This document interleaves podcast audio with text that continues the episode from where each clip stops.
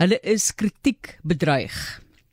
Kritieke bedreigde spesies. Baie skaars voel die witvlerk vlei-kuiken en dit is vernoem of sy wetenskaplike naam gegee deur die Suid-Afrikaanse ornitoloog Thomas Es sien ek aanlyn wat dit by Potchefstroom ontdek het.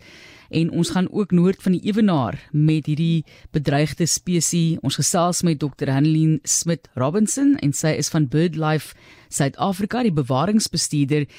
As mens praat eers as jy die woorde begin gebruik soos kritiek bedreig Ehm um, wat dui dit aan? Jy kry bedreig en dan kry jy kritieke bedreigde spesies. Geen net vir ons insig in wat waar lê die grens daar tussen die twee? Middag, uh, Martelies, wat luisteraars. Ja, as ons na die internasionale rooi lys kyk, dan is daar verskillende kategorieë.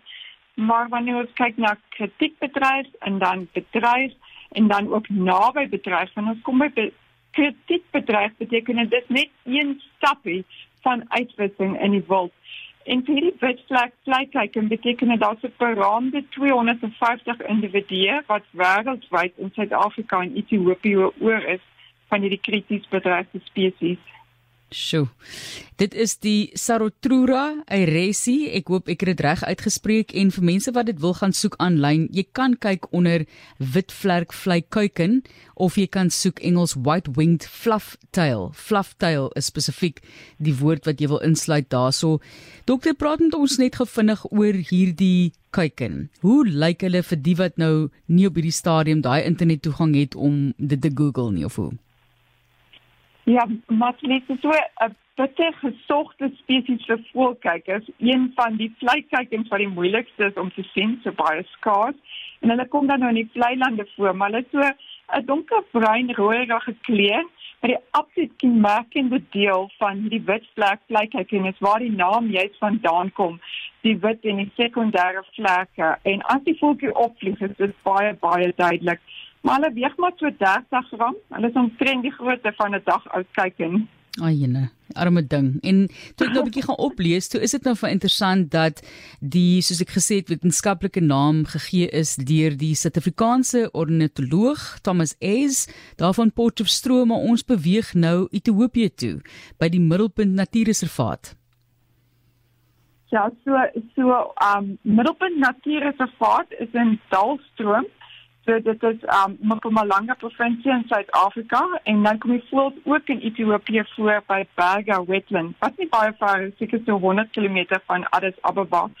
En ons het altyd gedink dat hierdie voels migreer, so hulle broei in Ethiopië en dan kom hulle vir hulle winter wat nou ons somertyd is Suid-Afrika toe voordat ons in 2018 vir die eerste keer uitgevind het dat die voëls ook broei in die suidelike halfrond en dit staan nou by Middelpunt Wetland.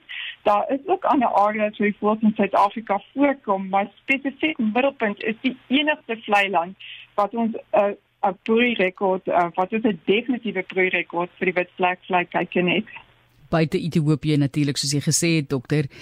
Kom ons praat net gevinnig oor hoekom hierdie arme voel so bedreig is. Jy kry sekere diere wat net baie moeiliker voortplant wat baie meer spesifieke omstandighede nodig het om te floreer. Wat is die rede vir hierdie voel se swaar kry? Die voel het baie spesifieke habitat nodig in hoogliggende vlei lande.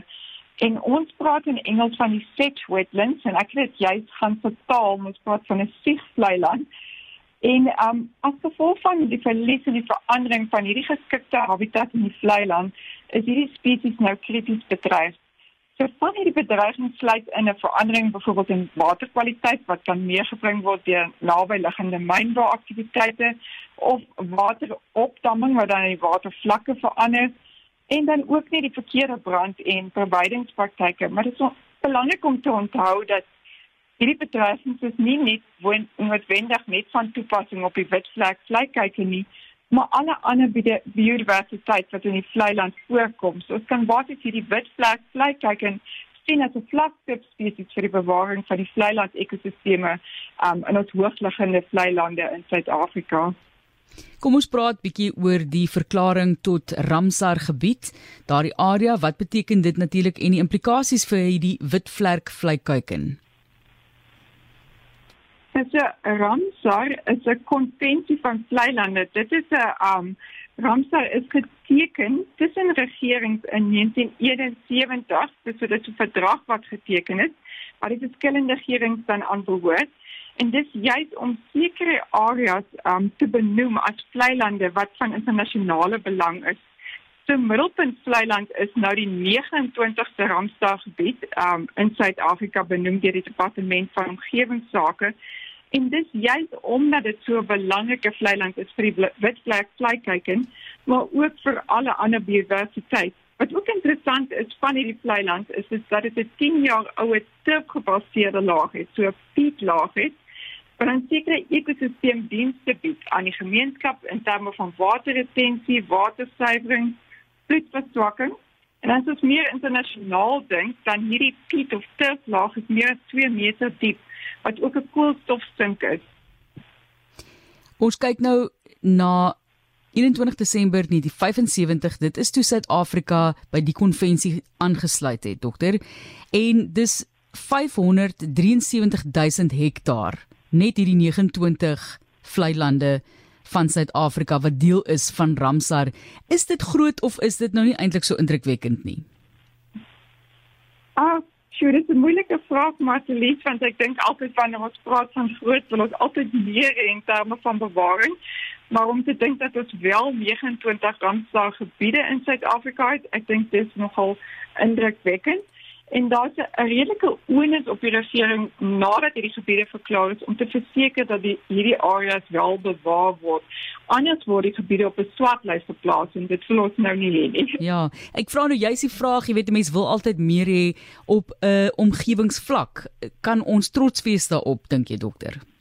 Ek dink so. Ek dink ons kan beslis trots wees en ons regering is ook hard aan die werk om aan die nuwe wat ons noem die 30 by 30 aan um, target wat ons het wat teen 2030 moet 30% van die totale area van Suid-Afrika bewaar word. Sjoe.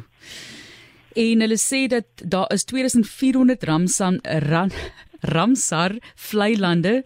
Dit dek 2,5 miljoen vierkante meter. Dit is 'n groot gedeelte van die wêreld groter as Mexiko. So dit is nogal omvattend wat in die wêreld deur Ramsar gedoen word.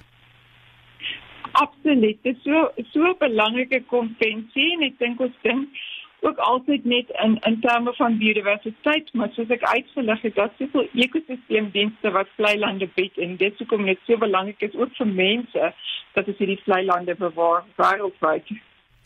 Ons weet ons fokus nou hier op die witvlerk vlei kuiken, maar dokter, watter ander spesies word saam met hierdie voëls in daai area? Kom ons fokus nou net op die middelpunt natuurreservaat ook bewaar. Wat is die groter bewaringsimpak sê jy sê?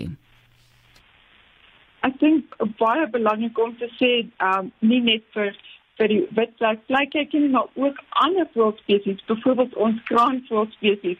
So nog 'n krities bedreigde spesies in Suid-Afrika is die lelkraanvoël en hulle word ook bewaar by um die vleiland. Dan is dan natuurlik baie skaars orgideesoorte ongelooflik om in die somer in daai dalsoop area hierdie orgidees te sien en ook skaars paddasoorte Ek vra my altyd hierdie vraag want ons is deel van hierdie wêreld al is ons baie klein in die groter konteks van die heelal nê in terme van grootte.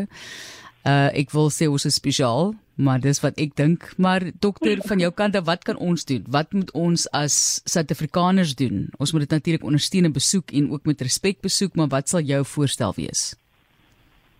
Ek dink vir my die land en die plaas eienaars wat hierdie hoogliggende vlei lande op hulle eiendom het. Ons praat van hoogliggende vlei lande en op belang na die Vrystaat KwaZulu-Natal miskien met ons by BirdLife Suid-Afrika in verbinding te tree sodat ons ook kan deel wat is die beste brand- en bewydingspraktyke vir hierdie vlei lande.